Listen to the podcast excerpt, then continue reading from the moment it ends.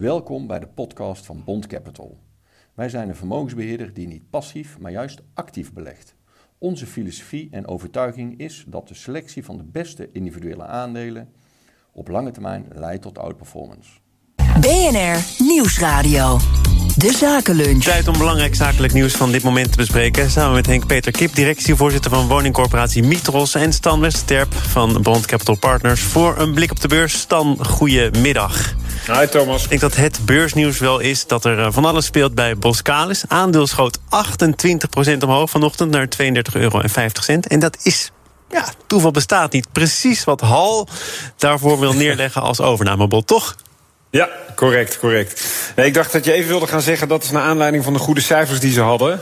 um, want die, daar kwamen ze ook mee uit tegelijkertijd. Uh, maar dat nam iedereen maar voor lief aan. Die waren overigens prima. Uh, een aardige groei gerealiseerd. En ook de operationele marge weer wat omhoog. Ook de, de netto winst wat hoger dan verwacht. Maar het grote nieuws is natuurlijk dat inderdaad groot aandeelhouder Hal, die al iets minder dan 50% hebben, ook de rest van de club uh, willen kopen. en inderdaad per aandeel een bod doen van 32,5 euro.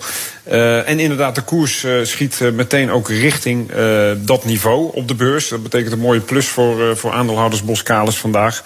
Um, maar er wordt wel een beetje gemord in de markt dat het wel een beetje een mager bod is. Um, ja, dus we moeten even zien hoe dit gaat aflopen. Ja, en overigens gaat het hier over een vriendschappelijke overname, een vriendschappelijk bod. De topman van Boskalis ja. zei ook: Ik ben nog niet zo verrast. Ze zaten al redelijk fanatiek en groot in het bedrijf. Het zat er misschien een keer aan te komen. Ja. Is dit dan het juiste moment? Nou ja, dat zou je eigenlijk natuurlijk aan Berdowski moeten vragen. Die nou, Stan, je bent zeker geen tweede keus, maar we hebben het geprobeerd. Oh, nou ja, we hebben natuurlijk al vaker aan hem gevraagd... Uh, hoe staat Boskalis in de wedstrijd, zeker met, in relatie tot grote aandeelhouder Hal... die overigens ook natuurlijk jullie aandeelhouder is. Even, uh, Goed dat jij het zegt, anders had ik het moeten doen. Ja, ja. Juist. dus misschien dat je familie van der Vorm, Martijn van der Vorm... ook eens een keer kan uitnodigen om tekst en uitleg te geven. Maar het lijkt mij, ja, de partijen werken al zo lang samen... kennen elkaar zo lang. Ze weten natuurlijk precies hoe die markt zich ontwikkelt. Ehm, de, de koers van het aandeel eh, Boskalis is de laatste jaren heeft echt wel onder druk gestaan. Dat geldt ook voor andere uh, dienstverleners in de olie- en gasindustrie. Um, en ja, daardoor denk ik dat het voor de hal een goed moment is om, om het hele bedrijf over te nemen. En natuurlijk hebben ze ook een ontzettend grote zak met geld nog. Die eigenlijk bij wijze van spreken in de, in de zakken brandt. Omdat ze Grand Vision natuurlijk verkocht hebben een tijdje geleden aan Essilor Luxottica. En daar vele miljarden aan over hebben gehouden. Maar jij noemt natuurlijk terecht olie en gas. Daar speelt ook wel het een en ander de afgelopen dagen, weken inmiddels. Uh, dan toch nog een keer de vraag in het licht van wat er nu geopolitiek gebeurt. Alle opgelopen spanningen. Is dit dan wel echt het moment? Of is er te veel onzekerheid? Nou, kijk, laten we eerlijk zijn. We hebben Hal nooit kunnen betichten van korte termijn uh, denken. Dat is echt een strategische club met een, een, een goede lange termijnvisie. Um, en, en, en ja, stapt ook altijd in bedrijven op, op strategisch vlak. nogmaals, ze kennen Boskalis al heel lang. Dus ik vind het absoluut niet onverstandig dat ze dit doen. ze hebben ook zelf al aangegeven, ja, het geeft ook ruimte voor meerdere strategische mogelijkheden. En dan denk ik meteen weer aan het feit dat Boskalis ooit een keer een gooi heeft gedaan naar Fugro bijvoorbeeld. Dus dat soort koersen zie je nu ook weer omhoog gaan in de markt, die overigens licht lager is.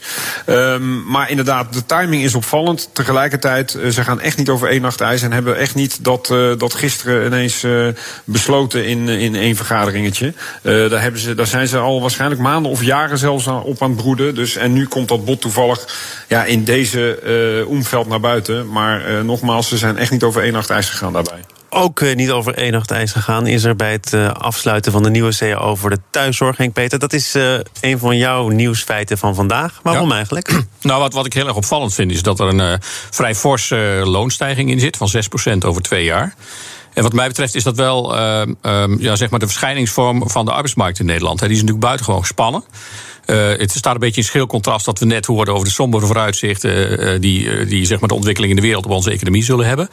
Maar structureel gezien in Nederland is het natuurlijk een probleem dat ehm, het nog maar de vraag is of wij in de toekomst voldoende mensen hebben om, om het werk te doen wat hier moet gebeuren. En dus de associatie die ik wel, wel heb is, moeten wij niet na, na gaan denken in Nederland over ja, vormen van arbeidsimmigratie. dus dat we mensen hier naartoe halen om ons welvaart op peil te houden. Daar wordt toch over nagedacht? Ja, maar wat je nu wel merkt is dat natuurlijk met name bepaalde politieke partijen ter rechterzijde uh, nogal uh, xenofobe uitspraken doen zo af en toe. Hè, dus dat dat uh, toch wel een soort vergrootglas ligt. Terwijl ik denk dat het tijd wordt om daar heel nuchter over na te denken. We hebben handen nodig en die hebben we nu tekort. Maar ter linkerzijde in het politieke spectrum wordt gezegd... als je het belangrijk vindt dat dat werk wordt verricht... zorg er dan voor dat er goed betaald wordt. Nou, dit is dan een eerste opstap. Want er zijn nog altijd meer dan een miljoen mensen niet aan het werk. Ja, maar uiteindelijk is het natuurlijk wel zo. Je kunt in sectoren meer gaan betalen. En dan zul je misschien zien dat die sectoren wat beter mensen aantrekken. Maar die komen ergens anders vandaan. Uh, en dan ontstaan daar tekorten. Maar is het niet zo dat er heel veel mensen nog geen baan hebben? He? Er is toch een onbenut potentieel van zeker 400.000, 500.000 mensen? Eh, zeker, en daar moeten we natuurlijk van alles aan doen. Maar ik denk dat het een eh, verkeerde strategie is om te denken dat dat op lange termijn het probleem oplost. Dus als het al zou lukken, bovendien, ik, ik memoreer nog maar even dat dat een discussie is die al een jaar of dertig loopt. Kun je dat arbeidspotentieel niet beter benutten? Nou, blijkbaar hebben we daar niet de oplossing voor gevonden. Uh, dus moet je ook naar andere dingen kijken. Het is overigens een serieuze loonsverhoging, hè? meer dan 6% over twee jaar. Ja. Maar ook dat moeten we in een context zien. Hè? Op het moment dat de inflatie Zeker. zo ongeveer het dubbele is dan is dit misschien een prima onderhandelingsresultaat. Maar je koopkracht gaat er niet bepaald op vooruit. Nee, maar daar zijn natuurlijk nog wel wat kanttekeningen bij te zetten. Hè. Dus de eerste is, uh, lijkt mij, dat het heel erg onzeker is wat die inflatie doet. Hè. Dus we, die wordt voornamelijk ook wel uh, veroorzaakt door de ontwikkelingen op de energiemarkt. En uh, hoe, hoe tijdelijk of hoe structureel is dat? Zit inmiddels ook in meubels, zit in voeding. Zeker, maar niet in de mate van, uh, van 6% inflatie, waar het uh, nu uh, ook over geschreven wordt. Dat wordt toch wel vooral bepaald door de energielasten. Als we kijken naar wat het structureel is. in mijn sector is het gebruik om de huurverhoging aan de inflatie te koppelen. dus als we dat voor vorig jaar uitrekenen, komt dat op, ik meen, 2,3%. Dus dat is echt een ander percentage dan nu, waar nu over geschreven wordt. We gaan ook naar een percentage, namelijk de opverende beurs. AEX steeg gisteren met zo'n 5% Ik geloof, uh, Stan, dat er vandaag weer een uh, minnetje te noteren was bij de opening. Ja. Maar um, je ziet dus wel dat er ten opzichte van een paar dagen terug sprake is van enig herstel. Waarom? Ja, dat was gisteren eigenlijk een, een, een combinatie van factoren. Uh, we, we, natuurlijk in eerste instantie de geluiden vanuit Oekraïne dat ze ja, bereid zijn om te praten over neutraliteit. Uh, daarnaast de olieprijs die, uh, die daalde, omdat verschillende partijen, waaronder Amerika, aangaven dat ze aan het kijken waren naar alternatieven. En sowieso in het licht van ja, sterk dalende beurskoersen, de, de, de, periode daarvoor, zie je altijd wel dat er ook eens een dag bij kan zitten dat het stevig groen wordt.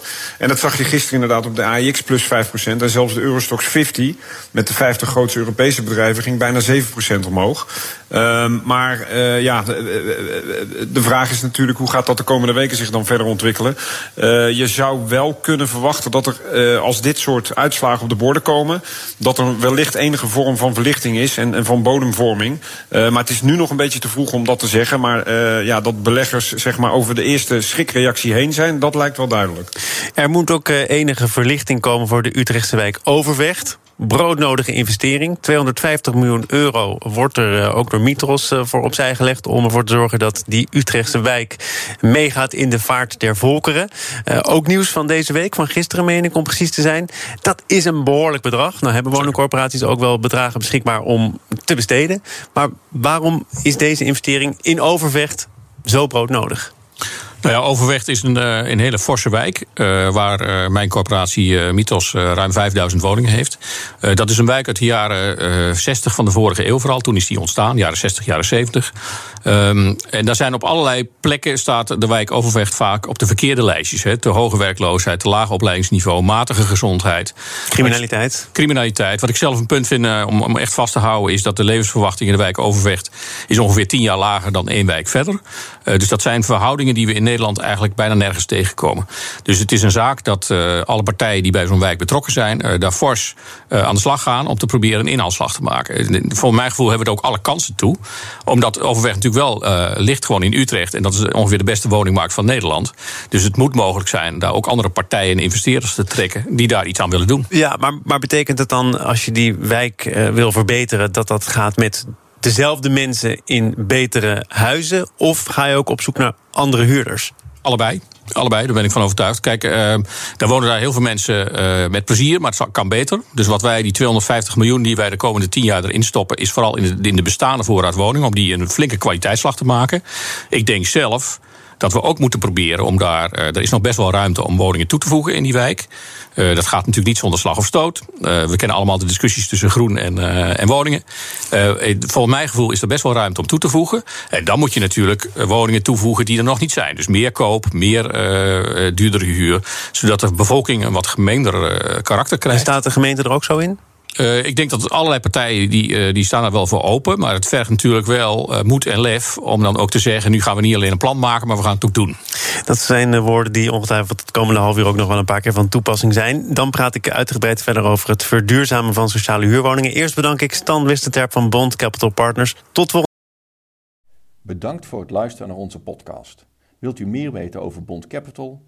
Kijk dan op onze website www.bondcapital.nl. Indien u wilt worden gebeld, mail dan naar podcast.bondcapital.nl.